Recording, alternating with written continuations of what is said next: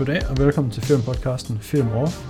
Det her det er episode 100 og... Øhm, Er det 3? 3? Nej, 102. 102. Nå, Øh, det er sandt. Det er 102. Og vi skal tale om nogle flere nye releases. Vi har været ved at catch up på øh, nye ting, der er kommet. Og ja, her i, i, i Q4.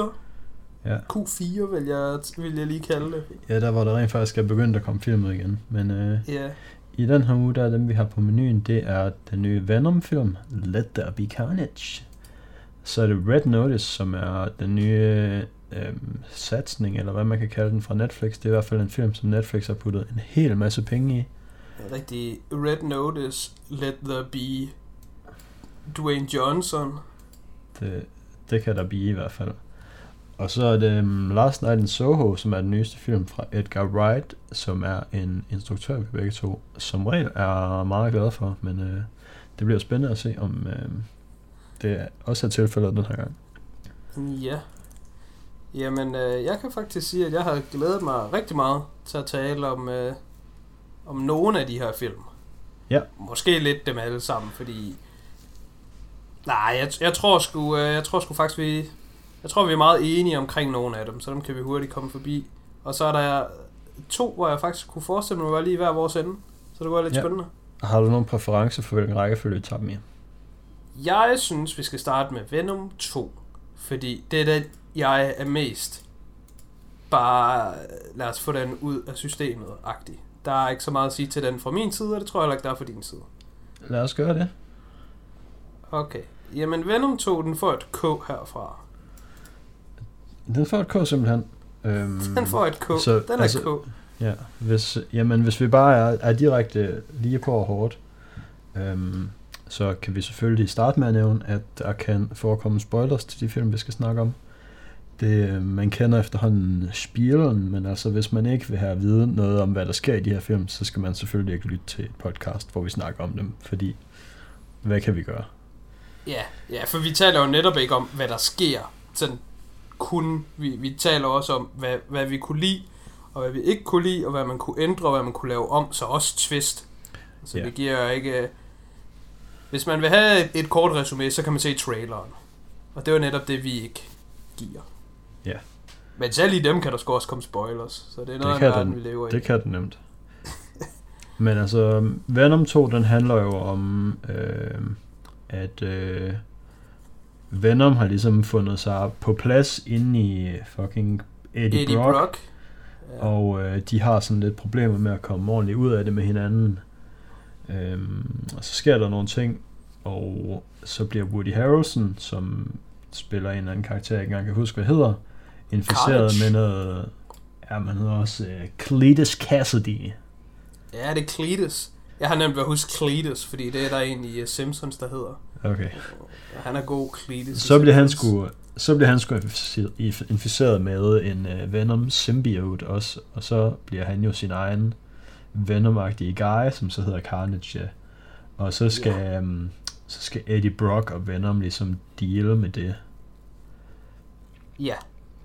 Og det, Øhm. synes jeg, det, var, det synes jeg var en rigtig fin rundown, fordi det, det er de fleste af de ting, jeg gerne vil tale om, det dækkede du ret godt der. Så øh, Øhm, jeg guess, der lige var en ting, du ikke lige fik nævnt, øh, som også er ligegyldig, men også noget, jeg vil tale om. Så vi kan lige nævne, at Cletus Cassidy, Woody Harrelsons karakter, han Ja. har en kæreste, som Ja. også kan, kan nogle ting. Hun er en meta-human, hvis det er det ord, de går med i det her univers. Det kan jeg sgu aldrig helt huske. Hvem er Nej. der meta-humans? nej, det er altid sådan lidt suspicious, fordi øh, i nogle af dem der, så vil de kalde det en mutant, men så hov, dem der laver den her film, de har ikke rettighederne til X-Men, så de må ikke bruge navnet mutant om sådan nogen, så de er nødt til at kalde dem et eller andet andet. Ja, så kalder de dem et eller andet, det er heller ikke sikkert, at de har rettigheden til at kalde dem superhumans eller et eller andet, så det bliver sådan et eller andet, så bliver det sådan noget augmented humans, Ja, ja. Det, det er ret forskelligt fra film til film, hvor det er sådan noget, åh, ja. det her det er en enhanced human. ja. Okay. Men i hvert fald, Cletus Cassidys kæreste er også en uh, mystery person. Hun kan tricks. Øhm, hendes tricks er jo et så rædselsvækkende. Altså, det er måske den værste superkraft, jeg kan forestille mig i forhold til, hvis man skal rate dem på sådan en skala over, hvor seje de er. Ja, Altså, det er det mindst Altså- seje, jeg overhovedet kan komme på. Hun kan skrige Men- højt. Okay. man kan, man kan sige styrkemæssigt, der, der kan den ligge lige så højt og lige så lavt på powerskalaen, som man har lyst til.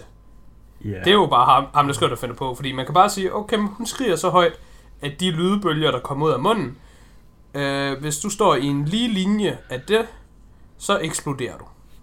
Ja. Og så er hun jo bare på Superman-niveau. Man kan bare sige, hvis hun sætter hovedet ned mod jorden, så kan hun bare springe jorden i luften. Mm. Og hvis hun råber ud i universet, så er hun bare en øh, star... Hvad hedder den? Star Destroyer? Hvad hedder det? Death Moon? Hvad fanden hedder det der skib, Darth Vader bor En, på? altså den en her Death runde Star. kugle. En Death Star, ja. Men det er jo ikke det Altså- skib. Hvis Ja, man okay, lige skal ja. være lidt nerdy about it, så er det ikke der, Darth Vader bor. For helvede. Darth Vader Det er den- har sin egen destroyer. Okay. Men det er den der runde kugle, der skyder planeter i stykker. Ja, dødstjernen. Det, ja, det powerniveau kan hun jo bare være på, hvis man skriver hende til det. Mm.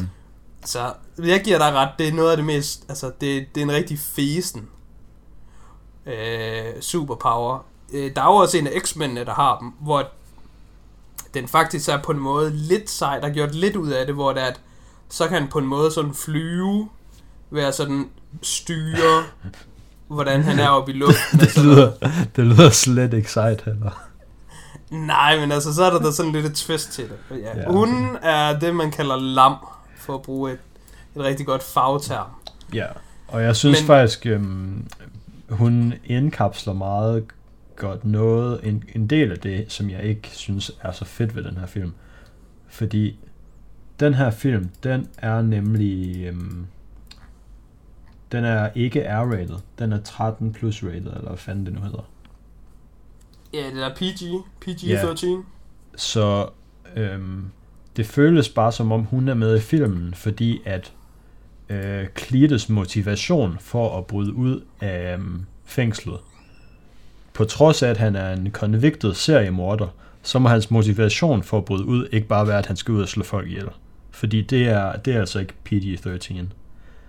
At en PG morder, står han, For, øh, det Ja. står for Parental Guide, Okay. så at en morder, er- han bare vil ud og myrde, det er sgu for, det er sgu for hård kost til øh, teenager.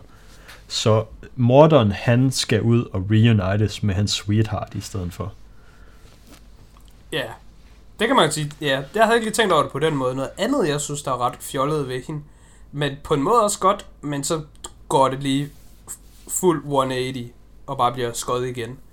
Det er, at hendes superkraft, som vi begge to lige er blevet enige om, er lam, Ja, den passer rigtig godt ind i den her film, fordi øh, Venom og Carnage svaghed, det er jo netop lyd. ja, Så man kunne forestille sig, at der var et eller andet her med hende og nogle ting, og okay, måske der er et eller andet relevant her kontra, hvis sin styrke nu bare, at hun kunne være usynlig. Og det er jo ligegyldigt. ja, En, en, en usynlig menneskekvinde kan aldrig vinde over en Venom eller Carnage mand, fordi selvom du er usynlig, så du kan aldrig skade Venom, og sekundet han får fat på dig, så dør du. Så det, det, du kan ikke bruge usynlighed til noget. Men Nej. dit skrig kan du åbenbart bruge til rigtig meget. Men det bliver aldrig relevant. Det eneste tidspunkt, det bliver brugt til noget som helst, det er, at hey, du skal lige være stille, fordi det er træls, at du siger den der lyd, du kan. ja, Altså, hun er, hun er der bare for at holde mund. ja. Øh, der er lige, der, det synes jeg faktisk til gengæld, det er sådan et okay moment i filmen. Der er et tidspunkt, hvor man tror, det skal til at være relevant, hvor de sådan, okay, vi har brug for noget fucking lyd. Det er der i den sidste fight, så er de sådan, okay, vi skal bruge noget lyd, og så kigger de over på hende, og så er hun sådan, hey, der er hende der, der kan lave lyd over. Og så i stedet for, at hun laver en lyd, så tyrer Venom hende bare ind i den der kirkeklokke. Kirkeklokke, ja. altså, det er sådan, hey, hende der kan lave lyd. Hvordan kan hun lave lyd? Hvis man smadrer hende ind i en kirkeklokke, kan hun Ja. ja. lave lyd. Ja, Ja, det var, det var sgu ret bizart. Hende vil jeg sige, hun trækker ret meget ned af flere grunde. Øh, både karakterer og superhelter på. Alt var bare skidt ved hende. mm. Øhm, men jeg synes ikke rigtigt, det var hende... Altså, hun var ikke så slem i den her film. fordi jeg synes, når man ser en god film, og der er noget dårligt deri, så trækker det meget ned. Ja. Men når man ser en dårlig film, hvor der er noget, der er dårligt i, så, så er man jo bare sådan, Nå, det er jo, Så er det jo bare par for the course, ja. det er jo niveauet, vi har. Ja. Så de ting, jeg faktisk... Og, og jeg synes ikke rigtigt, du kunne gøre noget ved hende for sådan at, at komme med nemme fikse. Så, så er vi ude i hele filmen skal lave om. Nogle andre ting, jeg synes, der er dårligt i filmen, som jeg synes er mindre tilgiveligt, og burde også være nemmere at lave om på, det er, for det første, Carnage, han er rød. Ja. Hvorfor er han rød? Det er der ikke noget at snakke omkring. Øhm, der er på et tidspunkt, hvor Venom siger sådan, ah shit, han er en af de røde, og så er han sådan, så gider han slet ikke slås med ham. Ja, så det, var nemlig det næste, jeg skulle til at sige. en, der er en implikation om, at de røde symbiotes, de er sådan nogle farlige nogen. Lige præcis. Det bliver der nemlig hensynet til senere. At, at Venom er bange for ham, fordi han er rød. Mm. Men så er man sådan, okay, hvorfor det? Er det fordi, at de er stærkere, eller er de farligere, eller er de bare sådan mere bloodlusted, eller er de mere crazy? Og hvordan bliver man overhovedet rød? Fordi, altså nu må du lige rette mig, hvis du kan, men i etteren, er det ikke, hele præmissen er det ikke, at Venom er sådan set bare en, en alien. Altså, han kommer fra en anden planet. Ja, Og på den anden planet, der bor der bare de her, så ikke mennesker, men de her humanoid creatures, der bare ser sådan her ud. Altså ser de ikke bare sådan her ud, når de ikke ligesom er parasitter i et menneske? Altså hvordan ser de ud bare isoleret set i deres hjem, hjemland, hjemplanet? mm, Det tror jeg bare, det de ved, ser sådan Det ved ud. jeg ikke. Jeg ved det heller ikke, men jeg tror bare, de ser sådan her ud. Altså man kan sige, Og- på jorden, der kan de jo ikke have en form uden at være i et menneske. Nej, men det må de vel kunne på deres anden planet. Men hvordan bliver den røde overhovedet til den røde? Fordi det er jo noget af Venoms ting, der kommer... Altså, den måde, de kunne have forklaret det i filmen, det er, at det måske er afhængigt af, hvilket menneske, der bliver inficeret. Så bliver man til forskellige ting. Men det er det jo ikke. Fordi når Venom, han inficerer andre mennesker i løbet af filmen, mm. så er de bare til Venom, bare med en anden form. Ja, Og angiveligvis, hvis, hvis Carnage inficerede andre, det kan jeg ikke huske, om han gør på noget tidspunkt, så vil han også bare være den røde Carnage. Så det har ikke noget at gøre med, at om Woody Harrelson, hvis man tager Eddie, Eddie Brock og Alien og sætter sammen, så får man Venom. Og hvis man tager Cletus Cassidy og Alien og sætter sammen, så får man Carnage. Så Ja. det har ikke noget med mennesket at gøre overhovedet. nej. Og, så det er det ene problem, jeg har med det, det er, at man får ikke noget at vide om, hvorfor han er rød. Og man kunne også bare sige, at det bare et skin, og han er bare rød, fordi altså, nogle, nogle mennesker, de har bare brune øjne, og nogle, de har grønne øjne, og nogle har blå øjne. Men så er det netop, at Venom går ind og ødelægger det senere, fordi han giver en implikation til, der er altså en decideret forskel på ham her, han er rød. Han er åbenbart farligere. Ja. Så det kan ikke bare være forskellige øjenfarver. Altså... Det, for det synes jeg, det, det kunne have bare... Han kunne bare have ikke været stærkere. Altså, to forældre, der får børn, de får jo heller ikke bare kloner. Så det er okay, han er rød, hvis det er bare sådan, okay, nogen er bare røde, og nogen er bare sorte. Ja. Men jeg synes, det er noget fis, at man får at vide, at han er åbenbart stærkere, men måske ikke, men det lyder sådan, men who knows. Mm, det synes jeg sådan set er fint nok. Jeg synes ikke, man behøver at få alt sådan noget penslet ud. Øhm, Ja, jeg, jeg synes... Okay, men hvis man så Altså- skal have at vide, hvorfor han er stærkere, så synes jeg, man skal vide, hvorfor han er rød. Al- Altså, hvorfor han er opstået. ja, det er altså, rigtigt. hvordan- Man får ikke rigtig noget at vide om, hvordan det virker, at... Nej, altså man får at se, at Eddie Brock bliver bit, og så hans blod, som har noget Venom DNA stof i sig. Ja, ryger ind i Woody Harrelsons mund, og så ned i hans mave. ja, Men altså, det er rigtigt. Det kunne godt være forklaret, hvordan det bliver til, at, der kommer en, en ny symbiot. ja, det synes jeg sgu bare, det er for tyndt og for dårligt. Ja. Apropos det, så hele den scene, hvor øh, Cletus Cassidy bliver til Carnage, det var vel også en rigtig PG-13 experience for dig, hvor at Mm. nu slår han de her mennesker ihjel ind i fængslet. Men altså, de dør ikke sådan rigtigt. Det, det, det, det er sådan noget PG-13 action, hvor det er sådan... Du ser ikke bare folk blive slået ihjel, men du ser sådan... Og så klipper den lige væk, eller og så er der lige en masse røg, og så hører man bare sådan en masse øh, bokseslag ind i røgen, og så er der en, der går ud af røgen, og sådan... Altså, den, den scene, synes jeg var sådan rimelig... Ja, altså den scene synes jeg bare er forfærdelig, fordi at der, der laver han det der fucking klassiske Superman-trick med et hov, nu har jeg lige en ny evne, og så er den lige relevant i den her ene scene, og så glemmer de, at han kan det igen. Men der kan han lige pludselig det der med at blive til en fucking tornado. Altså, hvad? Ja, ja, ja. det giver ingen mening. Ja, det, det er så derinde, hvor han er i den der gang, den der fængselsgang. Ja. Jeg tænkte endnu tidligere, der hvor han, der, der, hvor han sidder i han sidder i stolen, og der er de der Nå, to, der, der hvor er han er ved fanget, at blive henrettet, ja. ja, der, der er fanget inden sammen med ham, som heller giver, altså, hvorfor er de to mennesker, der er en sådan, så ved, altså, hele den scene, hvor han er ved at blive henrettet og sådan noget, mm. den synes jeg bare, den var mega amateur hour. Men du er også ret i den der tornado-ting, der kommer senere, der er man bare sådan, what? Hvorfor sker det? Ja. Så, Så bi- den- han bider også hovedet af sådan to eller tre i løbet af filmen, men hver gang der er nogen, der får bidt hovedet af, så er det bare som om de sådan, de dukker så lige sådan, at man ikke kan se deres hoved på kameraet. Det er også, det virker til senere, at jo flere han spiser, jo stærkere bliver han. Han laver sådan en reference til et eller andet, hvor han, han siger sådan noget level up, eller power up, eller I need a boost, eller et eller andet. Ja, Og, og så må man selv regne ud, at når han spiser nogen, så bliver han stærkere, hvilket kan give mening. Men det leder mig hen til sådan min sidste pointe med filmen, som jeg synes var det absolut værste ved filmen. Ja. Og som virkelig kunne være nemt at fixe. Og det er konflikten. Den giver bare ikke nogen mening, synes jeg.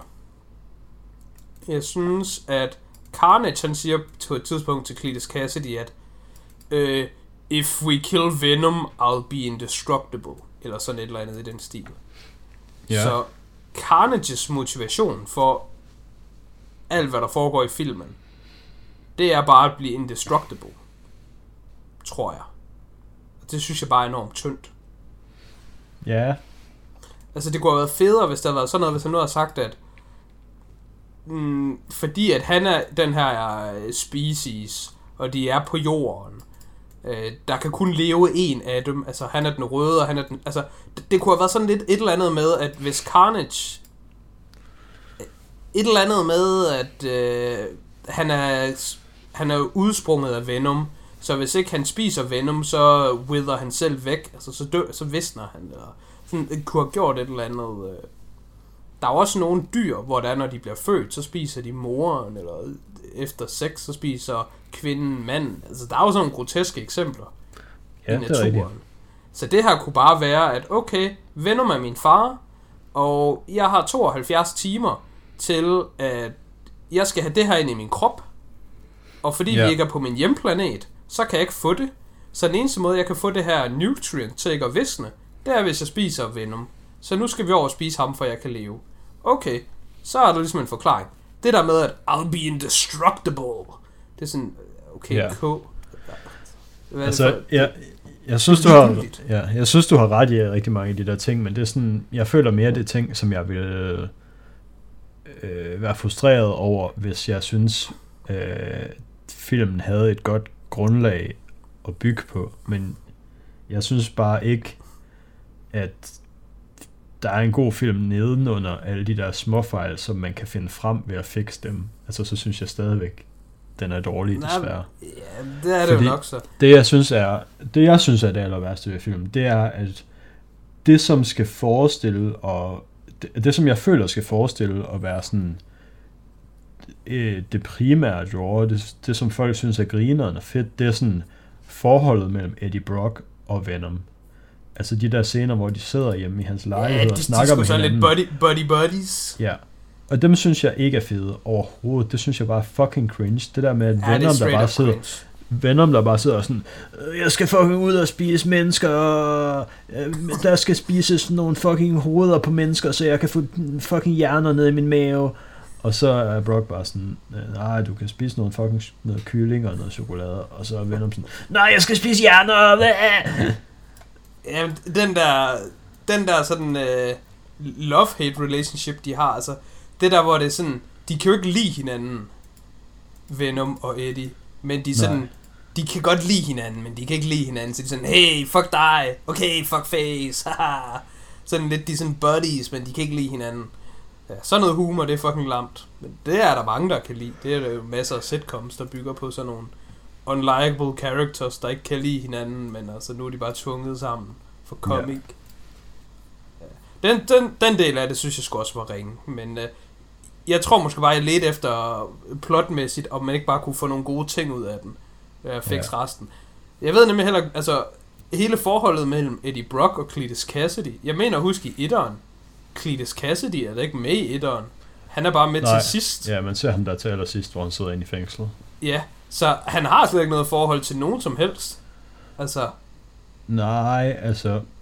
Men det lyder som om i den her film, at det måske var um, Eddie Brock, der havde været med til at få ham sat i fængsel i første omgang. Ja. Været med til at opklare noget af sagen. Jamen, det, altså, jeg tror også, det, jeg synes bare, det var lidt... Ja, ja. Motivationen sy- var, var tynd. Ja. Jeg synes i øvrigt også bare, Woody Harrelson, han var ringe i den her. Jamen, det var han også. Øhm, og det var, ja, men det var nok bare, fordi jeg synes, hans karakter var ringe. Hans, ja. Han er jo som regel god, så jeg går ud fra, at han bare spillede som instrueret, eller som skrevet, og det, der var skrevet, var bare skidt. Ja. Dog vil jeg også sige, øh, selvom man er en god skuespiller, så kan der også nogle gange sådan afhængigt af, hvordan en screen presence er, og hvordan, hvordan folk opfatter en. Mm. Hvilke karakterer man ikke nødvendigvis er god til at spille. Det kan godt være, at du er god til at spille alle sammen. Men det er jo op til seerne, om du er god til at spille dem. Så man kan godt se Woody Harrelson i en rolle og være sådan lidt, ah, den, den køber jeg sgu ikke helt. Ikke fordi han ikke er en dygtig skuespiller, men fordi du selv har nogle forudantagelser om, hvordan han skal være. Ja, yeah, sure. Og jeg synes ikke, Woody Harrelson han skal være sådan en karakter her. Den karakter, han er her i, det er sgu ikke sådan, sådan en karakter, Woody Harrelson spiller. Altså Den det er sjovt, eneste... fordi han er jo meget en af sine, øh, han er meget en af sine rigtig tidligere karakterer, øhm, som den han spillede i Natural Born Killers fra 1994, som jeg tror var en af de roller, han blev sådan kendt på. Der er han ja. jo sådan en, en crazed seriemorder. Ja. Jamen, jeg tror også mere, det var den der uh, Cletus Cassidy Carnage dynamik, som jeg synes var endnu værre mm. end Eddie Brocks og Venoms dynamik. Ja. Og, men altså, begge det, det er jo bare en dødfødt idé, hvad det er. Ja. Jeg skal lige nævne, at jeg synes også, at den der Natural Born Killers, den er rimelig dårlig. Øhm, det er for lang tid siden, jeg har set den til, at jeg kan sige noget om det, men... Øhm. Ja. Den er... Men jeg kan heller ikke sådan rigtig lide sådan noget seriemorderfis. Ja, øhm. Men jeg kan dog lige, sådan, hvis vi skal sådan tage at runde af, det var, ja. det var de ting, jeg havde at sige til det. Med alle de negative ting, vi har sagt, så kan jeg dog alligevel sige, at jeg er, jeg er nok overraskende positiv, fordi jeg har sgu bare givet den 5 ud af 10. Fordi ja. det er stadigvæk en, en film. Den var lige lidt under halvanden time. Og det er fandme det eneste, den har going for sig. Ja, der, den har to ting going for sig. Tom Hardy, han er altså også god her i. Det bliver jeg nødt til at sige. Mm. Ah, han er ikke god yeah. her i. Det er ikke fordi, han er... Tom Hardy er bare god. Tom Hardy er bare Tom Hardy. Altså, jeg synes, det her er en af yeah. de, de, de dårligste ting, jeg Nå, har det er det. Hvis jeg skulle give et shout-out til en ting, jeg synes var god i den her film, så var det sgu Stephen Grahams Detective Mulligan. Ham kunne jeg godt Ja. Lide. Ja, det kunne jeg også godt. Jamen, jeg, jeg tror heller ikke, jeg tror, jeg vil nok trække tilbage og sige, ja. hvis jeg skulle, hvis jeg skulle vælge mellem, nu er filmen ikke lavet endnu, så jeg kan vælge mellem, enten så skal Tom Hardy være med i Venom 2, eller også mm. så skal han bare være med i en anden film.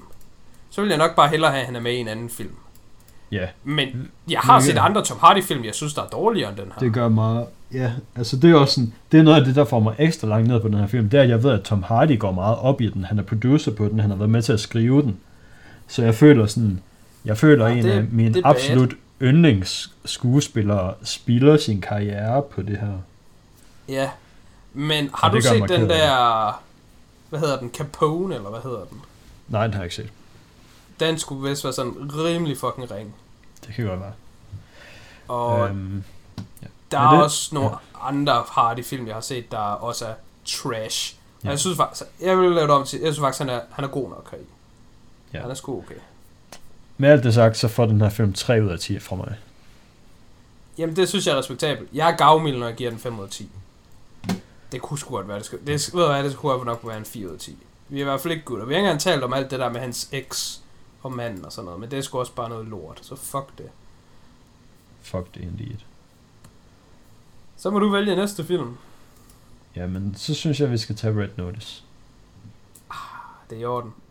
Det er i orden. Var det ikke den, du vil have nu? Jo, vi tager den. Hvad synes du? Øhm, Eller skal jeg, er det min tur til at lige give en hurtig rundown? det kan du godt. Den handler om The Rock, han går The Rocker den.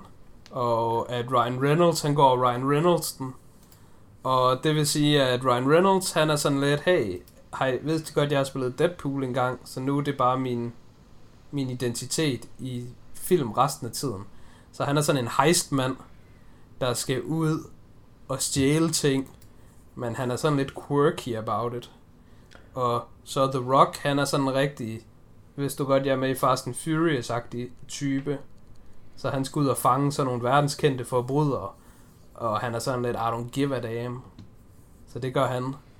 Og så Gal Gadot, hun er sgu også med, og hun er også en forbryder, så hun er Ryan Reynolds rival. Og så handler filmen om, at der er en rig Ægypter, der gerne vil have nogle ting, der sådan er på museer. Der er den ene ting, og nogle af de andre er aldrig blevet fundet. Og så han vil have nogle meget, meget sjældne ting, og så giver han en milliard dollars for det eller et eller andet. Så derfor så de her 20 knægte, Ryan Reynolds og Gal Gadot, de vil gerne have fat i de her ting. Det er tre ting, man skal aflevere på samme tid, for at man kan få præmien af Ægypteren. Så de har et ongoing race med at få fat på tingene, og så har Drain the Rock en agenda om, at han skal ligesom stoppe dem, fordi han er The Rock. Yes. Og så det, der sker, det er, at The Rock, han bliver sgu nødt til at team op med Ryan Reynolds for at clear his name, fordi han bliver sat op. Og så bliver det sådan lidt en body action comedy. Men de er ikke buddies, jo Kasper. De er jo ikke buddies, vel? Nej. Har du tænkt på det? Har du tænkt på, at de er buddies, men de ikke er buddies? Det, Nej. det er the thing. Det er the thing.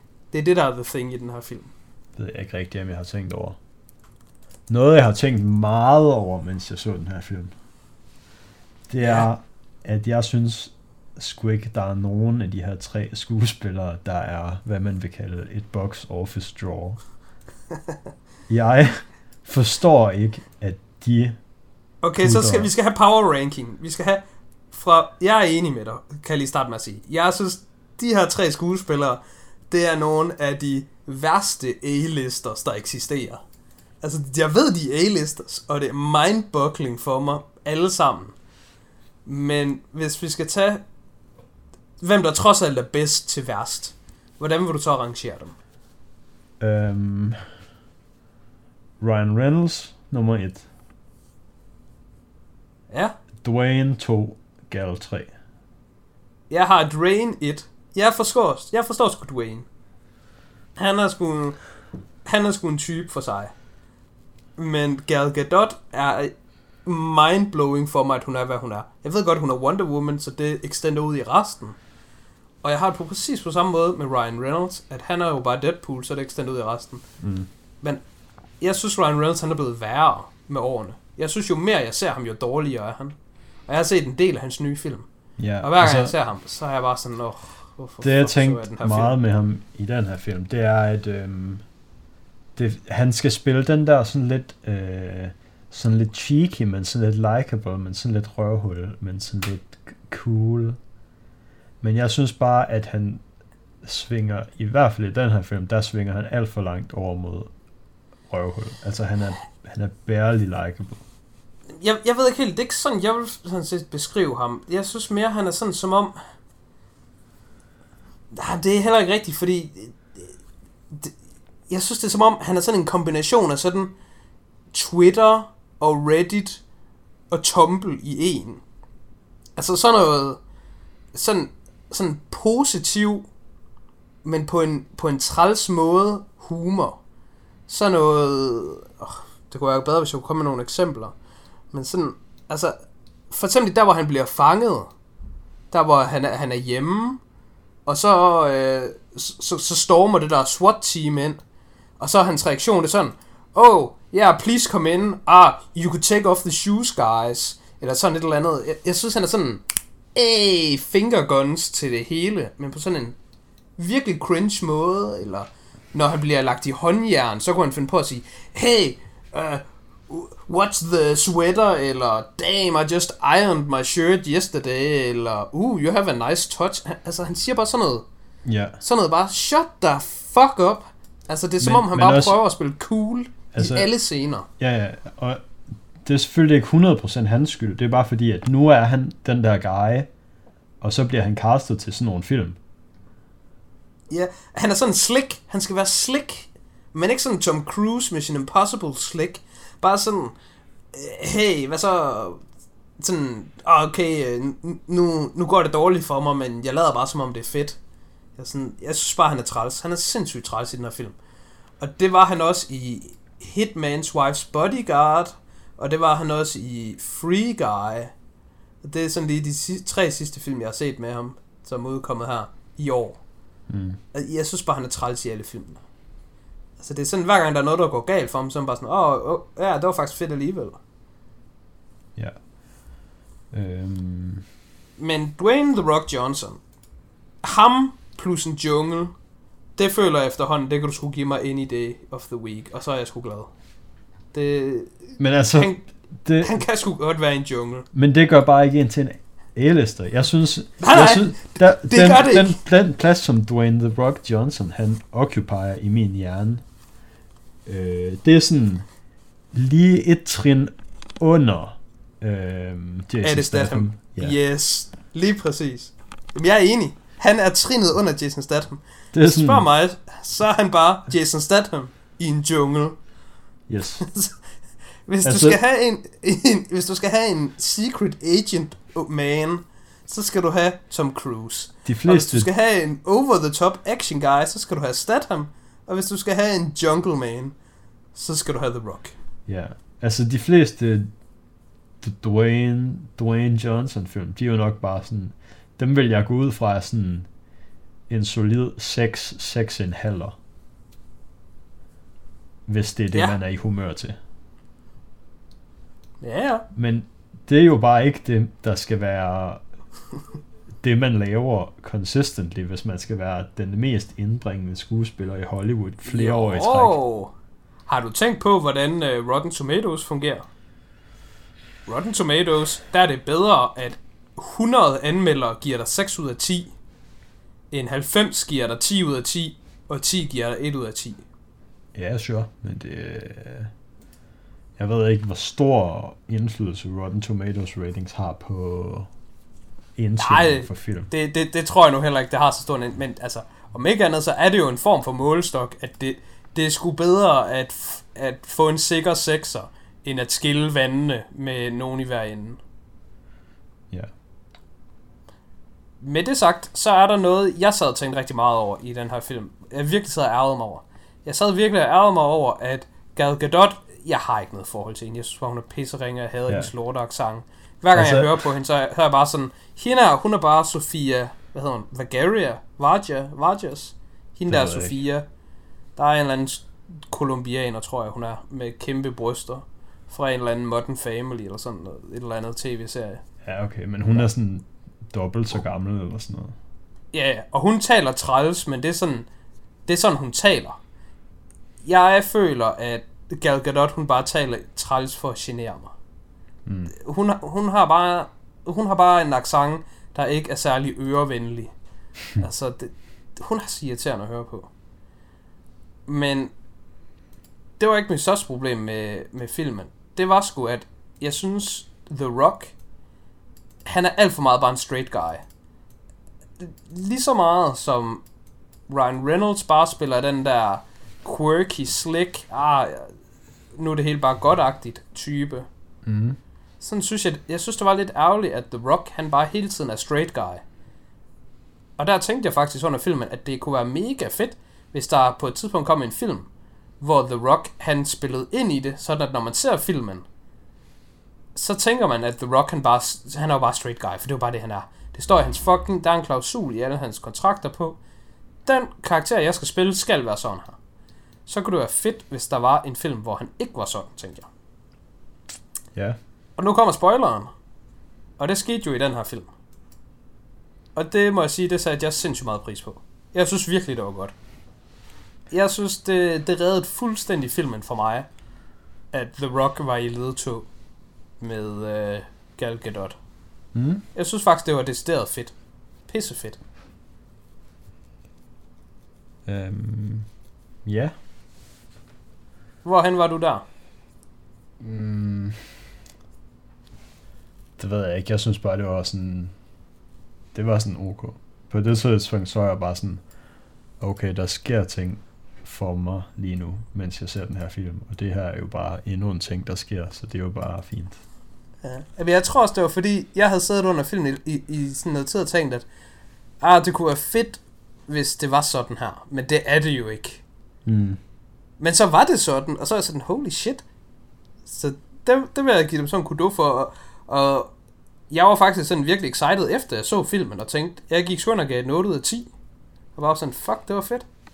Så gik der lige en time, så havde jeg tykket lidt på det, så kom jeg lidt ned igen. Så var jeg sådan, ah, okay, der var godt nok meget lort going on, og en, en god ting kan ikke redde så meget. Men grunden til, at man gerne sådan, jeg glæder mig til at tale om den, var, jeg vil faktisk uh, give den rigtig meget ros for, for twistet i filmen. Det Ja. synes jeg skulle, det var legit. Og det var godt. Måske øhm, synes jeg også bare, at jeg synes ikke, det var sådan så realistisk, de var et par. Men Nej, altså, det kan de jo godt bare være, I guess. jeg synes ikke, det var så fedt, at de var et par, som romantisk involveret Ja, partnerpar. Det havde sgu været bedre, hvis de bare var et par, der bare var vi er inden for samme branchepar. Ja. Og de behøvede engang være et par, som om de altid var bishops, ligesom de taler om, at der er to bishops en chess og sådan noget. De kunne også bare være nogen, der var gået sammen nu for den her ene opgave.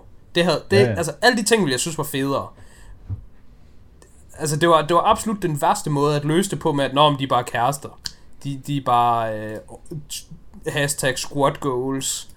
Men det var trods alt bedre, at de var det, og så var sammen, synes jeg. End at det bare, det hele var reelt, som det udspillede sig i lang tid. Altså Dwayne er kun 13 år ældre end Gal, så I guess de godt kunne være det. Nå, var det det, du tænkte var urealistisk ved det? At det, det, det kan det sgu ikke være. Det, ved Det er jo jeg ikke. sådan bare sådan rigtig, lidt, øh, Bare sådan lidt, det giver sgu ikke mening der. Det er jo Mhm. ellers sådan en rigtig Woody Allen-film. Woody Allen-film, det er ofte sådan en 64-årig mand, der bare er sammen med en eller anden 22-årig pige, og så er det bare sådan, ja ja, kan man godt det her. This works. Ja, ja, men altså, øh, så længe de er over 18, så må de jo selv bestemme, kan man sige. Ja, så virker det hele. Der var også en anden ting, en lille bitte ting i filmen, uh, altså der var en ting, jeg synes, der var mega åndssvagt. Så det, Sådan til en har sidst, jeg der også. kommer en, ja, der er mange til, men til sidst kommer en hel masse twist, hvor det er sådan, åh, så var de lige sammen, og så crosser den ene, og crosser den anden, og crosser, der, der er en masse crosses. Det bliver ret hurtigt rimelig ligegyldigt, og så er man bare tilbage til den der, ting sker jo bare foran mig, og så er det sådan, det er attitude.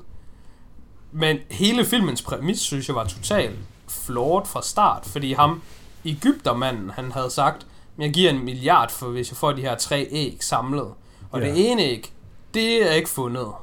Mm. Det andet æg, det er der en eller anden privat crazy guy, der har. Men det tredje æg, det er der et officielt museum, hvor det er øh, public knowledge, at de har det.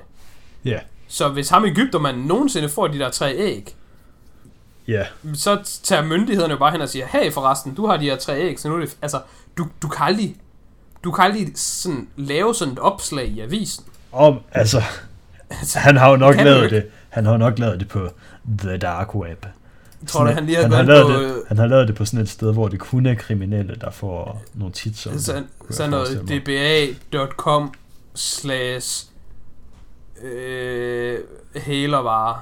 Ja, Og, og, så, og så politiet, de får ikke nys om det på den måde. Ja. Men det kan godt være, fordi det var, synes jeg bare var plat, og så en af twistene, det var jo sådan, at ah, men så, så afleverede I pengene til manden, men så double-crossede I ham og ringede til SWAT-team, det sådan, det kan godt være, at det ikke var public knowledge, at ham Ægypter guy, han bare ville have det. Men sådan følte jeg, det var i filmen, så jeg tænkte bare, at det her, det er fucking dumt. Altså, ja, ja. Og Han- selv, selv hvis det var, kun, var bare postet på et eller andet øhm, privat kriminel board, så på et hvilket som helst tidspunkt derefter, så kan andre kriminelle, der har beef med ham der Ægypteren, jo bare aflevere et anonymt tip ved myndighederne, og så bliver han bustet. ja, men altså, vidste, vidste de det ikke også godt? Fordi Dwayne, han var jo sammen med Interpol i en periode, så han havde vel bare spillet the beans straight up. Jeg tror, um, at hele tiden... Det, det var han jo ikke. Jo, han var, men han var det jo kun på den der ene mission. Jamen, jeg, jeg, tror, at de, jeg tror, de har the full scope. Det kan godt være. Ja, det ved de selvfølgelig. Ja, det tror jeg, de har, fordi de skulle også passe på de andre, ikke? Så, så alt, det var bare fjollet. Alt med ham, der ja. Ægyptermanden, det var bare lamt. Men der var dog en god ting, der kom ud af det, så det var derfor, jeg lige ville nævne, at jeg det et skud ud. Og jeg ved godt, det her det, det er fucking åndssvagt. Og jeg kommer ikke til at lyde som en sofistikeret type, når jeg siger det. Og det her, det er helt... Jeg kan se, der er andre reviews, der hater på det. Ja. Jeg kunne sgu godt lide Ed Sheerans... Øh, den synes jeg var fucking god. Den var Ja, virkelig god. Og jeg sad rent faktisk og grinede i virkeligheden. Hvis man, der var han sådan så hvis man svinger med synes, at det var, hvis man synes, det var too much, så øhm, har man taget resten af filmen for seriøst, vil jeg mene. Ja, men jeg synes, det var straight up guld. Det var fucking guld, og det var bare så perfekt. Og han står og synger den der bryllupssang. Uh, det kan også være, det er ekstra godt, fordi jeg lige ved det her fact om det, om den sang. Men, fact og fact. Det var noget, jeg læste på Reddit for noget tid siden, og jeg fact-checkede det ikke, men jeg tog det for gode varer, og jeg ved ikke engang, hvordan fanden man laver sådan en statistik her. Men der stod, at den der... Ah, hvad fanden hedder den sang? Hvad hedder Ed Sheerans bryllupssang? Det ved jeg ikke. Sheeran Wedding Song. Nå. Jeg, jeg læste en statistik, at... Øh, er det Perfect, den hedder? Det ved jeg ikke. En af sangen. Nå, det er den mest afspillede sang til bryllupper øh, nogensinde. Den har overtaget en eller anden anden sang, der var sådan standard sang. Sådan, det var den det var den kendteste sang til bryllupper, når gommen og bruden skulle have deres første dans. Ja, Og den var så blevet overtaget nu af den her Ed Sheeran sang. Og det var sådan, Alright. han spillede der i. Så det synes jeg bare, det var sådan ret sjovt, at hey, det skulle da fucking rigtigt. Det er den her Ed Sheeran sang, alle danser til. sure. Så det var sgu en god lille, god lille skud til virkeligheden, følger jeg. Ja. Så kan jeg også bare godt lide Sheeran, må jeg indrømme. Ja, jeg synes, han laver god musik, og jeg kan godt lide ham. Ja, ja. Den, noget andet, jeg synes var ringe, det var, at da de finder den der øh, nazistskat, så har de jo ikke nogen motivation længere for at tage en lille bitte smule af den, og så gøre resten af, af jobbet. Fordi den der skat er jo bare mere værd. Ja, selvfølgelig. Altså han, han siger sådan, altså hele den der æggedeal, det er 300 millioner dollars. Og han er bare sådan med det samme, okay, jeg kan sælge den der bil for sådan 40 millioner dollars. Så der er Ja. det bare sådan, okay, men hvorfor tager I ikke bare den her skat nu, og så peace out? Så er I jo home safe. Der er mange ting, der går galt dernede i den der scene. Øh, nede i øh, nazi-skattekammeret. Fordi en af problemerne, der er ved, at øh, Gal Gadot og Dwayne, de er sådan i ledtog under hele filmen, mm. det er, de går det godt nok igennem, hvor man får sådan lidt øh, skåret ud i pap, hvor det sådan, man får lige alle flashbacksene med, jamen vi blev nødt til at øh, få dig til at overvundet på vores side, så man ser alle tingene, hvordan Dwaynes historie har set ud fra et andet perspektiv, hvor Gal Gadot har interceptet, Hmm. at hende der Interpol ringer, og Ja. det der med, at hvordan Gal Gadot kan finde dem, når de har været nogle steder. Nå, men jeg har fulgt efter jer, så er det sådan, hvordan har du fulgt efter os? Det er nok ret nemt, hvis hun bare får at vide, hvor de er henne.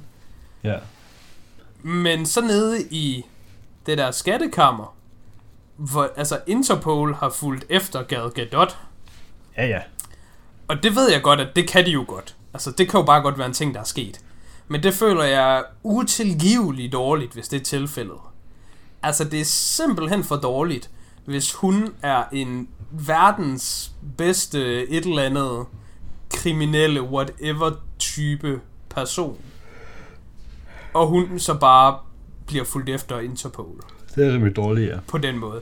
Altså, det, det, det, det er bare så dårligt. Altså, mm. det, det får bare den person, der er blevet bygget op til at være det her, til at være sådan, men, men det er du jo ikke. Altså, Ja. jeg synes nemlig i forvejen, det var ret dårligt sådan i løbet af filmen, men det blev så reddet af, okay, Dwayne og Gal Gadot, de hjælper hinanden, så, så kan man forklare en masse ting på den måde. Men... Ja, der var faktisk en anden, der var en anden scene, hvor jeg sad og tænkte imens, det her, det kommer Mads til at være fucking rasende over. Det var den der kampscene, de havde, hvor at Ryan Reynolds og Dwayne, de slåsede oh. mod Gal, og hun, hun, hun vandt. Der var jeg sådan, okay, det ved jeg, Mads, han kommer til at være fucking rasende over det her. Så gav det så lidt mening til også. sidst. Så gav det jo lidt mening til sidst, fordi at hun bare var i ledtog med Dwayne, så han skulle bare gøre ingenting. Yeah. Og så skulle hun bare vinde over Ryan Reynolds, som var pathetic. Ja, yeah, da jeg så den der scene, der var jeg på sådan, ah, det her det er så dumt. Men hele scenen var bare dum til at starte med. Også den intro, altså den entrance hun gør, også bare lort. Fordi hun kommer bare sådan ind midt i det hele, bare sådan, bare kommer og bare spiller sej, som om, okay, nu er der lige sådan en cut scene i et spil, hvor der kommer en cinematic. Altså, det giver slet ikke nogen mening, det tidspunkt, hun kommer ind på for at spille sej, for at stoppe dem. Og hun kommer også ind fra sådan et andet sted, og hvis hun var i ledtog med ham der Sokrevochi, eller hvad han hed. Altså, alt ved den scene var bare trash. Yeah. Og sådan synes jeg, alt ved næsten alle scener var bare sådan, fuck det her lort, det er fucking ringe. Mm. Og sådan sad jeg meget under filmen. Men så var det Dwayne, han bare var sådan, ah homie, jeg har bare feedet hende he- hele vejen igennem. Og så var alt ja. godt. Alt var godt derefter. Men jeg kan love dig for, at jeg synes, det var fucking ringe, da jeg så det. Ja. Men øhm, jamen, du sagde, du havde givet den 8 ud af 10, og så var du kommet til fornuftigt senere. Så hvor du endt henne på den her film? Jamen, jeg er stadig positiv. Jeg var faktisk glad for filmen. Så jeg valgte at hamre den en stjerne ned for Gal Gadot og Ryan Reynolds presence. Så den har fået 6 ud af 10. Alright. Jeg, jeg vil kunne gå så langt at sige, jeg tror faktisk, jeg kunne have, have endt med at give den her en, en 8 ud af 10, hvis det bare havde været andre personer end Ryan Reynolds og Gal Gadot. Jeg synes simpelthen bare, at de trækker straight up ned. Det skulle bare have været en Dwayne Johnson film, der Dwayne Johnson den, og så skulle der bare have været to, to gode skuespillere, yeah. i stedet for to, hedder det karikaturer? karikerede ja, det, det er en ting, mennesker. man godt kan sige i hvert fald. Okay, så siger jeg det. Øhm, ja, jeg ved ikke, jeg har, også, jeg har den på sådan, det ved jeg ikke, 5 ud af 10 til 6 ud af 10. Jeg ved ikke lige, hvilken det bliver. Ja. Så er der så også en ting, jeg også synes, der er værd at nævne, lige mm-hmm. her på falderæbet, og jeg nævnte det også sidste gang. Det skal nævnes, at da jeg så Red Notice, der tænkte jeg, wow, den her film ser godt nok fucking godt ud.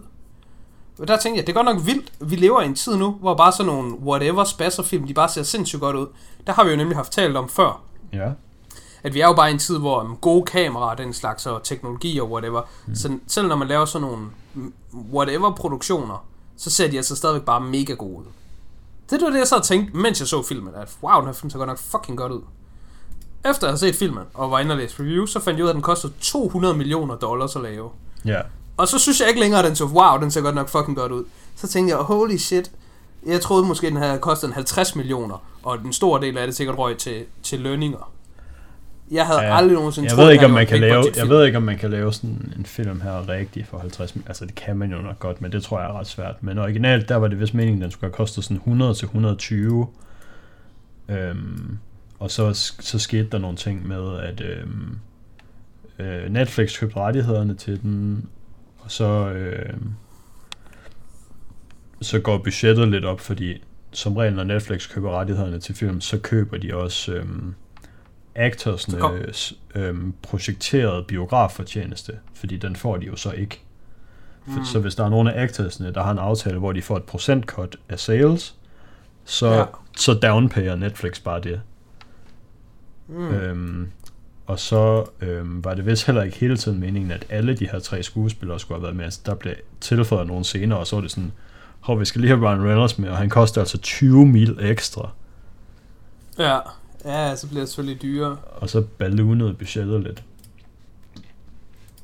Ja. Jamen, det kan selvfølgelig også godt være, at, at, at der, der kommer en rigtig stor del af budgettet ind til deres øh, løn og sådan noget, men ja, det må jeg indrømme, det gav lidt en, en sur smag i munden. Fordi jeg netop havde siddet mentalt og rost filmen undervejs og tænkt, ah, det er godt nok fedt, at film bare ser så godt ud nu til dags. Ja. Men så er den bare røv fucking dyr, så er sådan, mm, det var ikke så fedt. Det, det må jeg indrømme. Det er ikke noget, jeg har valgt at trække ned for. Jeg, når, når ting er dyre, så trækker jeg det ikke ned. Men omvendt kan jeg så lige indskyde, at når ting er meget billige og særlig gode, så vælger jeg at sige, at det trækker op.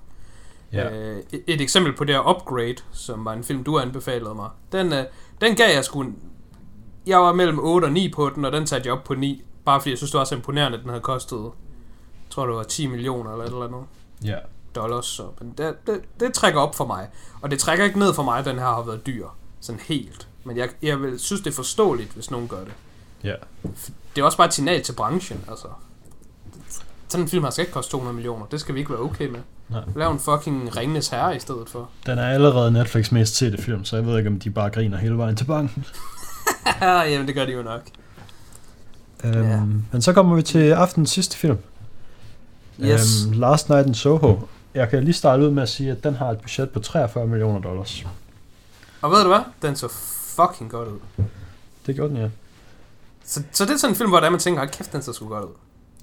Last Og Night det er in bare Soho, fedt, at, at de bare ser godt ud. ja. Last Night in Soho handler om øh, Eloise Turner, som er en øh, ung øh, pige, der gerne vil være øh, modedesigner. Jeg ved ikke, hvad det hedder. Tøjdesigner. Ja. Yeah. Tøjdesigner. Øhm, så øh, hun har ansøgt til sådan en skole for at blive det, og der bliver hun så optaget på, og så flytter hun til London for at begynde på sine studier. Øhm, her der flytter hun så Flytter ind, til London fra, fra en meget lille landsby. ja, fra sådan en lille shit town. Ja, altså hun, hun går virkelig fra en by, hvor der bor fire mennesker, til en by, hvor der bor 40 millioner. Jeg ved Ja. ikke, hvor der bor i London. Her flytter er hun så ind i sådan en gammel lortelejlighed ved sådan en gammel dame, og så, øhm, så viser det sig, at når hun lægger sig til at sove i den seng, der er i den her, så bliver hun transporteret tilbage til 60'erne. Øhm, 60'ernes London, og øhm, ser nogle ting igennem øh, perspektivet af en øh, anden pige, der hedder Sandy, som var en wannabe actress slash sanger i 60'erne i, den her fiktive, i det her fiktive univers. Yes. Inden vi starter, så vil jeg lige spørge dig. Du har ikke set Midnight in Paris, vel? Det har jeg ikke, nej. Den er faktisk rigtig god, og den kan jeg anbefale dig. Og den handler nemlig præcis om det samme. Midnight Den handler- Paris, den er fra 2011 med Owen Ja. Wilson. Yes. Faktisk Woody Allen-film. Nu, øh, hvor Fuck jeg lige Woody Allen. tidligere. Ja, fuck ham. Men det er faktisk en rigtig god film. Og den, den handler nemlig også om en, der rejser tilbage. Lad os bare springe direkte ind i spoiler-territorie, føler jeg. Vi Ja, kan altså, gøre. jeg har allerede spoilet lidt, synes jeg. Ja, Hvis man er sådan, "Ah, jeg skal ikke have spoilers, så har jeg allerede sagt for meget i hvert fald. ja, ja. Men nu bliver det værre, for nu afslører jeg twists. I uh, Midnight in Paris, der er det Woody Harrel... Nej, hedder han? Owen Wilson. Han rejser tilbage i tiden og er sammen med sådan nogle gamle forfattere og interagerer med dem og sådan noget. Men han tager det aldrig med sig ud i virkeligheden. Det er bare som om, det er bare sådan en dreamscape, noget der foregår. Ja, Og sådan er det jo også i Last Night in Soho i rigtig, rigtig lang tid. Og ved du hvad, der havde det helt fint med. Jeg var bare sådan, det der foregår lige nu, det skulle bare i orden. Hele runtimen for filmen, undtagen indtil sidste kvarter, I guess, der sad jeg bare og tænkte, vores hovedperson, hed hun Ellen? Eloise. Ja. Ellie. Louise? Nå. Ja, de kaldte hende Ellie i hvert fald. Vores hovedperson Ellie, hun var jo bare mentalt forstyrret. Altså, hun fejlede noget oven i hovedet, hun led af vrangforestillinger, og var sådan, altså generelt sådan en eller anden, man kunne diagnosere til at være sindssyg på den ene og den anden måde. Ja, Og og vi har under jo også, hele- øhm, vi får også at vide, der er en sådan historie af mental, Yes. mental illness i hendes familie. Hendes mor Ja. begik selvmord, fordi hun var også bims. Ja. Så Ellie er altså bekræftet bims, og det skal bare lige nævnes. Det havde Ah, hun er ikke bekræftet intet bims. problem med.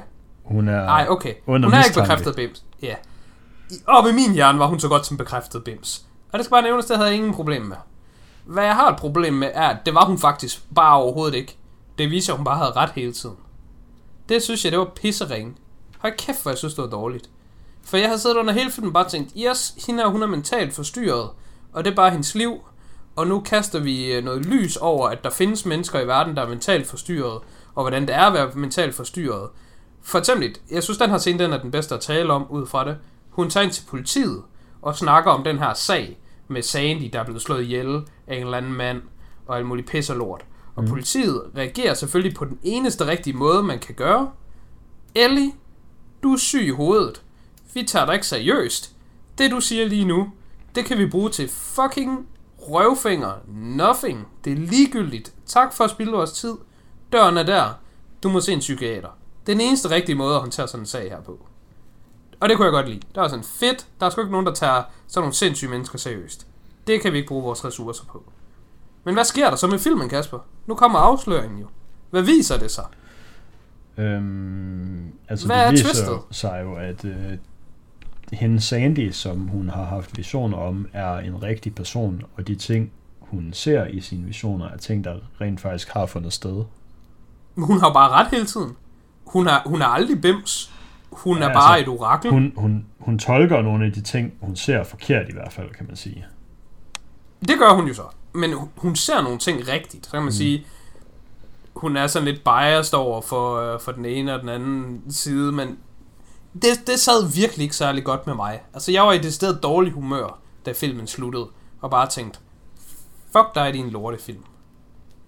Ja. Det, øhm, jeg tænkte faktisk meget over i løbet af filmen, hvordan mit forhold er til den her slags ting, fordi at jeg føler, at det er... Øhm, jeg føler, at jeg har været sådan lidt snæversindet med, at hver gang der er noget i film, der ikke giver mening, så er jeg bare sådan, det her er lort. Og det føler jeg ikke, at man, det synes jeg måske ikke nødvendigvis, at jeg behøver at være sådan altid. Øhm, hvis, hvis det outcome, der er, at der er noget, der ikke bliver forklaret ordentligt, det stadigvæk er, at der sker noget spændende. Altså det, det er selvfølgelig ikke fordi, jeg vil til at justify sådan noget Mulholland Drive, hvor der bare sker random piss, og det hele er lort the whole time. Øhm, Ja, altså Mulholland Drive, hvor ting er mærkelige for at være mærkelige. Ja, men jeg synes også, at der må være plads til øhm, sådan nogle film som den her, øh, hvor der sker nogle overnaturlige ting, uden at det bliver forklaret, at vi nødvendigvis lever i et eller andet alternativt univers, hvor magi eksisterer. Altså, en ting er jo, hvis den her film bare startede med, vi lever i øh, pseudo-London, hvor magi er en ægte ting, og spøgelser er rigtige, så hvis alt det, der skete efterfølgende, bare skete, som det sker i den her film, så ville du vel ikke have nogen problemer med det? Nå, n- jo, Spørgsmålstegn. altså det vil jeg ikke måske på den måde, som det er her. Men grund til, at jeg gerne vil nævne Midnight in Paris, det er fordi, den er så meget lignende som den her. Altså Owen Wilson, han går bare rundt i Paris, og så når det, klokken slår midnat, så forvandler byen sig til, at nu er han i Paris i, i 20'erne, i stedet for at han er i Paris i år 2011. Og det er fordi, han er en forfatter, der romantiserer 1920'ernes forfatterskab. Så han er virkelig sådan, åh, oh, fuck man, hvis man lavede det dengang, det ville være perfekt. Og han møder Hemingway, og han møder alle de der Scott Fitzgerald, sådan sådan nogle hans store helte. Og, og han lever ellers i virkeligheden, og der er ikke noget magi. Og det bliver aldrig forklaret, hvorfor det er sådan her. Så mm. det er bare, han, han kan bare rejse tilbage i tiden i Paris. Og det har jeg det fuldstændig fint med. No problem. Han behøver ikke leve i et alternativt univers, hvor spøgelser og magi eksisterer. Sådan en dreamscape-scenarie, det er i orden. Og det skal nævnes, at jeg har givet Midnight in Paris, jeg tror faktisk, jeg har givet den 9 ud af 10. Men jeg kan se, at jeg har givet den 8, men skrevet det et stort 8, som måske er 9. Så jeg husker den til 9 ud af 10. Og jeg har intet problem med det overhovedet. Mm. Og det har jeg heller ikke overhovedet noget problem med Last Night in Soho hele vejen igennem. Der, hvor jeg hader den, og der, hvor det bliver fucking ringe, synes jeg, der, det er jo ikke et dreamscape. Det, hun har jo bare ret. Og det synes jeg hun skal have. Jeg synes ikke, hun skal have ret. Det skal hun bare ikke have.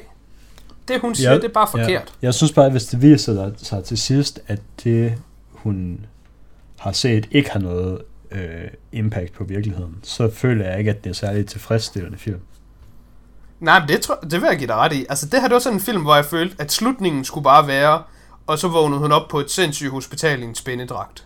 Okay, men det, altså, det synes jeg aldrig, det kan skulle være, fordi det synes jeg er en fuldstændig utilgivelig måde at skrive en film på. Ja, men altså, det kan være, at man bare gerne vil sådan øh, kaste lys på, hvordan det er for folk at leve med mentale sygdomme. Det var det, jeg tænkte hele vejen under film. Jeg tænkte sådan, ja, altså, under film, der tænkte jeg flere gange, wow, jeg er godt nok egentlig taknemmelig for, at sådan den kemiske balance i min hjerne, mm. den bare er rigtig. Det har jeg jo ikke gjort noget for.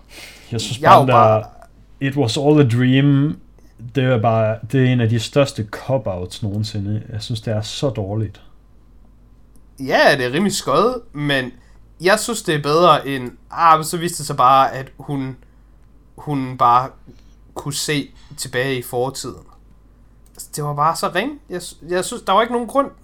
Den eneste forklaring, der var ved det, det var, at okay, hun sover i samme seng. Mm. Det synes jeg virkelig ikke var særlig fedt. Jeg synes virkelig, jeg følte mig snydt. Nej. Øhm, Hvis vi skal tale om noget positivt, der er ikke ja, altså... altså, altså det her, det er jo i hvert fald det er svært at justify den ene vej eller den anden.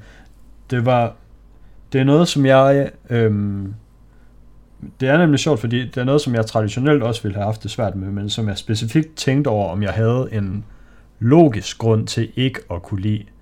Og så kom jeg frem til, at det har jeg som sådan ikke, så længe at jeg stadigvæk er ligesom øh, øh, interesseret i det, der foregår, så må der gerne ske sådan nogle ting der.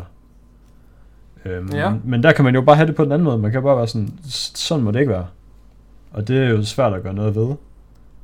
Altså det jeg kan sige, grund til at jeg ikke kan lide det. Jeg vil gerne, jeg vil gerne retfærdiggøre, hvorfor jeg hader det. Mm. For jeg føler, jeg har en grund til det. Jeg synes, at sådan nogle mennesker her skal ikke tage seriøst. Man skal ikke tage sådan nogle mennesker seriøst i virkeligheden. Og det føler jeg, at filmen gør. Og sådan nogle mennesker ikke fortjent at blive taget seriøst. Hvis du i morgen tager ned til politiet og fortæller dem om, at de tidligere ejere i dit hus, de slog deres barn ihjel, fordi det kan du mærke i din seng, når du sover, at øh, der er sket sådan nogle ting her. Så skal politiet ikke behandle dig med øh, sådan, som om det du siger, det giver mening. De skal være sådan, og de skal da slet ikke være efter de tidligere ejere af dit hus, og sådan, okay, det viser sig faktisk, at de har et barn, og det barn kunne godt øh, have, have fået tæsk i det her rum. Det de skal tænke der, Kasper han er forstyrret oven i hovedet, og han har brug for hjælp. Alt hvad han siger ud af hans mund, det er vi ligeglade med, for hans hjerne den fejler noget. Men det, det er jo også den måde, hun bliver behandlet i den her film. Ja, af folk inde i filmen. Men os som ser, vi ved jo bedre. Vi ved jo, vi ender jo med at synes, åh, oh, hun havde jo ret hele tiden. Måske der er mere til historien, end hvad man tror. Og det synes jeg bare er noget ævl. Altså, jeg synes, man går ind og sådan... Jeg ved ikke, om man retfærdiggør... øh, Man går ind og legitimiser hendes... Er det det, der hedder? Legitimizing? Øh, Man går ind ligesom og siger, at hun havde sgu ret. Det var sgu rigtigt, det hun gjorde. Hun... Men, men det sletter sgu vel hende. ikke alle de ting, du har sådan tænkt over i løbet af filmen, med at du er i tvivl om det er rigtigt, eller om det bare er noget, hun forestiller sig. Altså de ting, Nå, men jeg kunne godt lide, Ja. at hun levede tilbage i 60'erne, og hun så de der ting, og hun blev inspireret til hendes kjole og sådan noget. Alle de der ting, de må gerne, de må gerne finde sted. Altså, ting må gerne foregå op i hendes hoved. Men så snart der bliver påduttet noget i virkeligheden til det, hvor man bare sådan binder et eller andet sådan fysisk op på det og siger, jamen det var rigtigt. Mm. Altså, det, det er lidt svart til, hvis hun bare ligger og drømmer, og hun så pludselig vågner en morgen og siger, jeg ved, hvor mordervåbnet er, og hun så går ud i baggården, og så graver et eller andet sted op, og så ligger der en kniv der. Og så er man bare sådan, hvor, hvor ved du det fra? Fordi du ligger i en seng, hvor en pige har ligget. Altså, det må du ikke vide, sådan noget. Mm. Sådan noget må du ikke vide. Det er umuligt. ja, Det synes jeg skulle bare var dårligt. Men hvis hun vågner op en nat bagefter og tænker sådan, åh, Sandys kjole så sådan her ud, og den var pisseflot. Okay, men det må du gerne vide, fordi det, det kan du ikke verify. Det kan jo bare være din hjerne, der spiller dig et pus, og at kjolen så er flot, okay, men så er du en god designer. Det må du gerne. Men du må ikke binde noget op i det virkelige liv på hendes dreamscape, føler jeg. Fordi så går man ind og legitimiser, hvad der foregår. Og det kan man ikke. mm. Det er det, der, det, det, der var mit problem med det. ja, Jeg føler bare, hun bliver taget seriøst, og det må hun ikke. Altså af os som seere. mm. Men øh, hvad jeg var ved at sige med noget positivt. ja, Filmen er fucking godt skruet sammen. det er Altså den. alt det, jeg har problemer med, det er jo bare sådan plottet. Og det er Ja. næsten kun til sidst, hvor det går galt. Ja, altså Men det, den er, er- det er en rimelig den- stor afstikker fra de genrer, Edgar Wright han normalt øh, instruerer i, men man kan stadigvæk nemt føle, at det er en Edgar Wright-film, føler jeg. Ja, det var godt, du lige sagde det til sidst. For det er jeg nemlig helt enig. Altså, hvis jeg bare så den her film, og fik at vide, øh, du, øh, blev spurgt, du skal gætte, hvem der har lavet den her, så vil jeg ikke bare kunne sige Edgar Wright 100%, på grund af, at genren er anderledes. Men han ville være en af dem, jeg gættede på, fordi jeg være sådan, altså det kunne jo også bare være en, en, en no-name, eller det kunne også bare være en anden, men man kan godt se, den er, den er godt paced, og den er godt edited, og der er ligesom den her rytme til filmen, ja. som jeg synes er noget, der er meget af Edgar Wrights øh, trademark, at scener og film føles at have en rytme i forhold til musikken og i forhold til pacing. Mm. Og den var rigtig, rigtig god. Og der var også nogle scener, der var sådan sindssygt godt skudt. Altså, der var de der dansescener, hvor den hopper ind og ud mellem den ene pige til den anden pige. Det var Ja. også rimelig fedt lavet, og der var sådan nogle øh, tunnelagtige skud, hvor man sådan følger efter en person, og øh, ned igennem sådan nogle øh, gange, og altså sådan, hvor man sådan ser alt muligt. Sådan, jeg ved ikke, om det var et one take, men det, det føles bare som om, man går sådan en labyrint igennem. Altså, den får virkelig byen til at føle sådan lidt klaustrofobisk en gang imellem. Ja, det synes jeg var, var en god effekt. Ja. Ja, og så var der også bare sådan nogle helt klassiske Edgar Wright-agtige edits, som den der, hvor hun er over til den der samtale med hendes nye lejlighed, og hun bliver spurgt om sådan noget, ah, men du kunne ikke finde på at, få, at gå midt om natten. Og så sådan, nej, nej, det vil jeg aldrig gøre. Og så klipper den Ja, instantly til, at hun ding! forlader sin anden lejlighed midt om natten. Ja, ja, ja sådan en rigtig klassiker. Det der, det der, det kunne aldrig nogensinde finde på at gøre. That ain't me. Ja. Og så instantly gøre det. Ja, ja det er sådan noget rigtigt Edgar Wright. Og det er, det er sgu fedt. Mm. Um, og nu er jeg så tænkt på, jeg synes også, der var noget andet, der også bare var sådan on the nose Edgar Wright-agtigt. Um, og jo, jo, det var der med colaen. Uh, det, så, så det var sådan det samme. Var der ikke også sådan en eller anden scene, hvor det bare sådan, de taler om, at ah, man kan ikke have ting for sig selv længere. Og så, øh, der hvor hun taler med ham, øh, drengen, Ja. hvad er det nu, han hedder? Og så John. siger, ja, så siger han, hvad han hedder, og så siger hun, hun hedder Ellie, og så kigger han ned på hans cola, og så er det sådan, nå, ups, Ja. I guess man ikke kan have ting for sig selv. Altså det, det synes jeg også, det var sådan ret, sådan ret godt. ja. Noget, noget andet positivt, jeg kan sige om filmen, mm. øh, som bare er super overfladisk, men øh, jeg synes, hun fortjener et skud alligevel. Hende, øh, jeg forestiller mig, at Anya Taylor-Joe får meget opmærksomhed. Det kan jeg også se i reviews og sådan noget. Hun er sgu whatever, hvis du spørger mig. Hun er fin nok. Jeg synes, hende, der spillede Eloise, Mm. hun var en certified cutie pie. Mm. Hun var sgu cute. Cute, cute, cute. Og hun havde en virkelig cute stemme, synes jeg. Men jeg kunne forestille mig, at der var nogen, der synes, hun var pisse irriterende at høre på. Hendes stemme gjorde mig fucking sindssyg hele filmen. Ikke fordi, at den var irriterende eller noget, men fordi, at jeg synes, den lød som en eller anden, og jeg har, st- jeg har stadigvæk ikke kommet i tanke om, hvem det er, Mm. jeg synes, hun lyder som.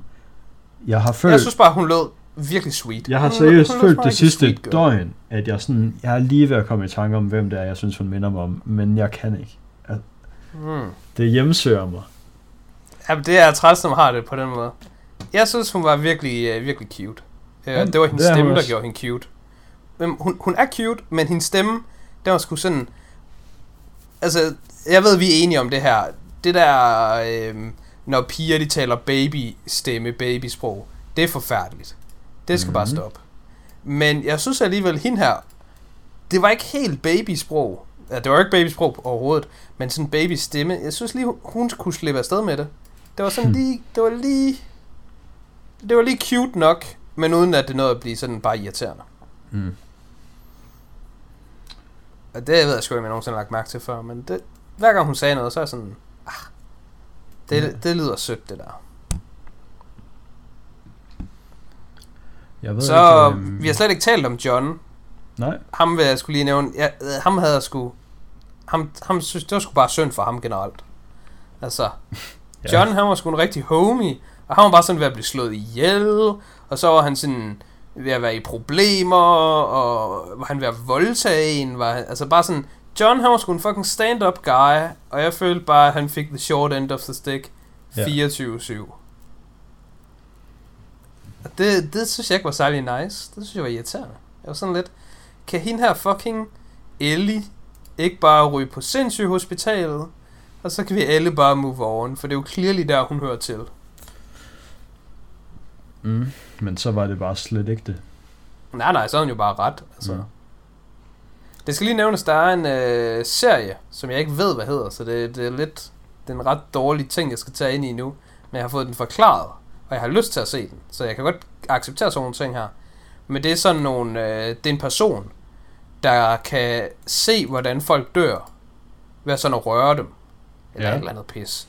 Så han eller hun bliver så til en detektiv, men er vist lidt sådan en fumlende detektiv. Øh, Ikke en dygtig detektiv, men er jo så bare en detektiv, fordi har overnaturlige kræfter. Mm. Og det er acceptabelt. Så Fordi så er det etableret. Uh, Dirk Gentlys. Sådan lidt Dirk Gently-agtigt, ja. Men Det, det her det er så bare en anden film.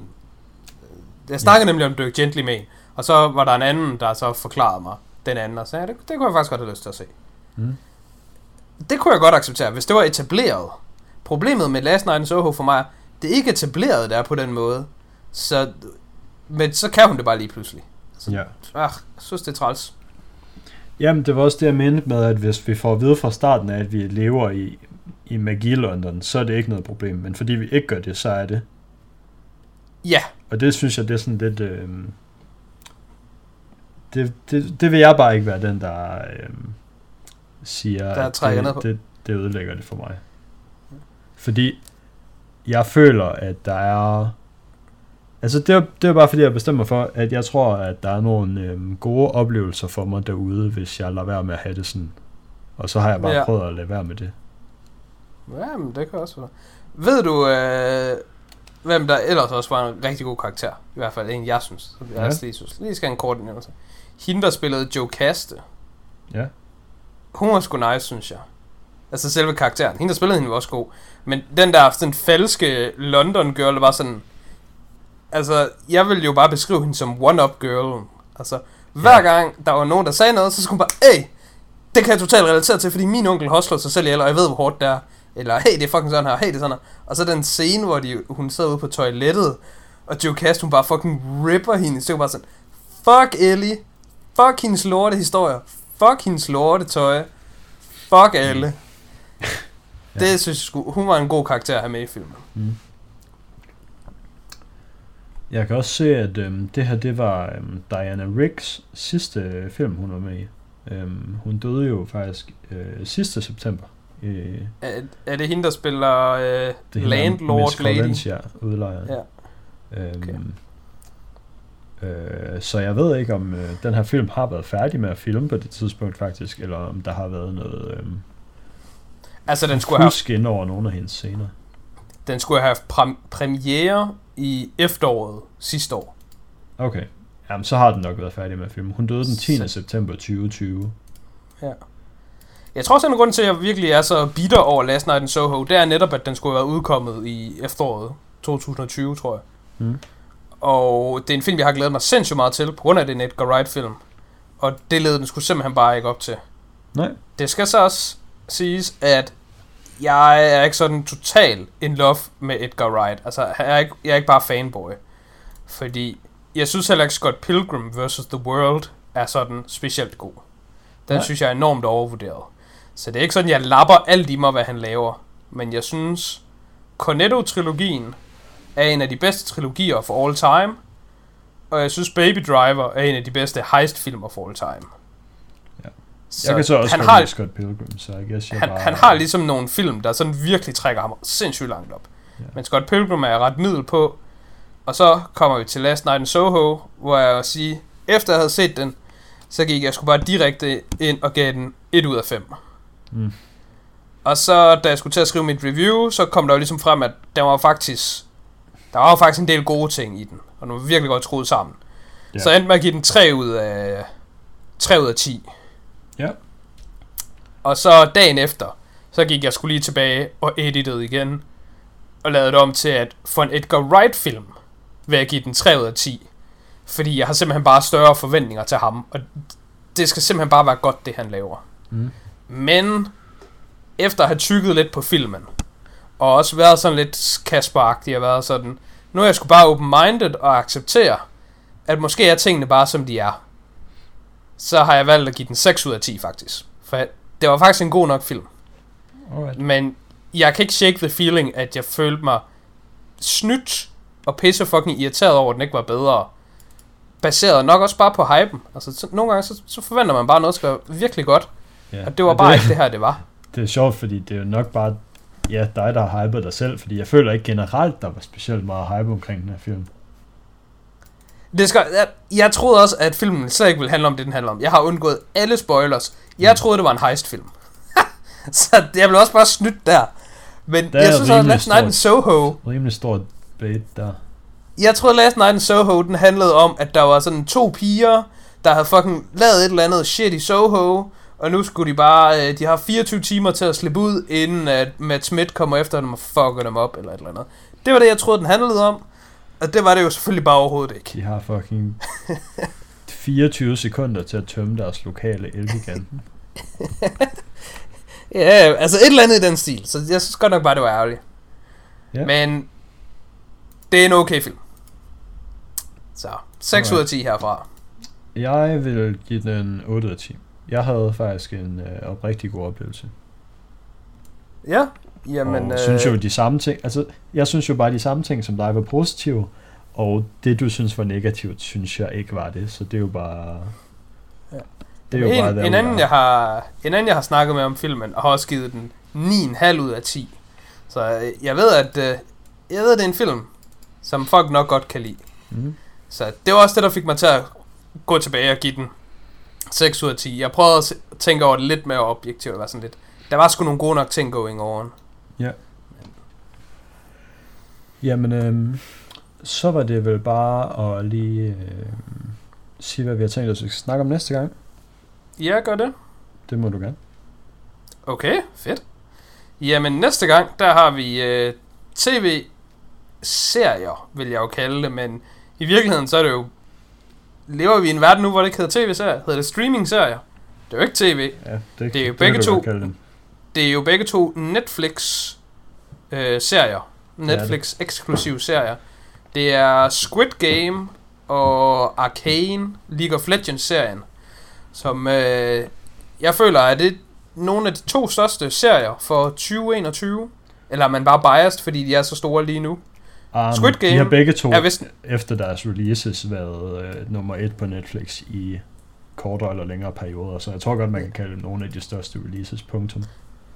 Jeg mener Squid Game, den læste jeg, at det er den øh, mest streamede serie på Netflix nogensinde. Ja, men Arcane var i hvert fald også på den der nummer et på Netflix lige nu, i rigtig mange lande samtidig, da den udkom. Ja. Øh, så dem synes jeg, de er værd at tale om, og jeg har set dem begge, og har, har ting, jeg har opinions til begge serier, så Jamen, dem øh, øh, kunne jeg godt tænke mig at tale om, og du var med på det. God introduktion. Ja, Øhm, så har vi vel ikke mere herfra, end at sige uh, tak, fordi I lyttede med i den her episode. Og uh, vi vender stærkt tilbage i næste uge. det gør vi. Godt.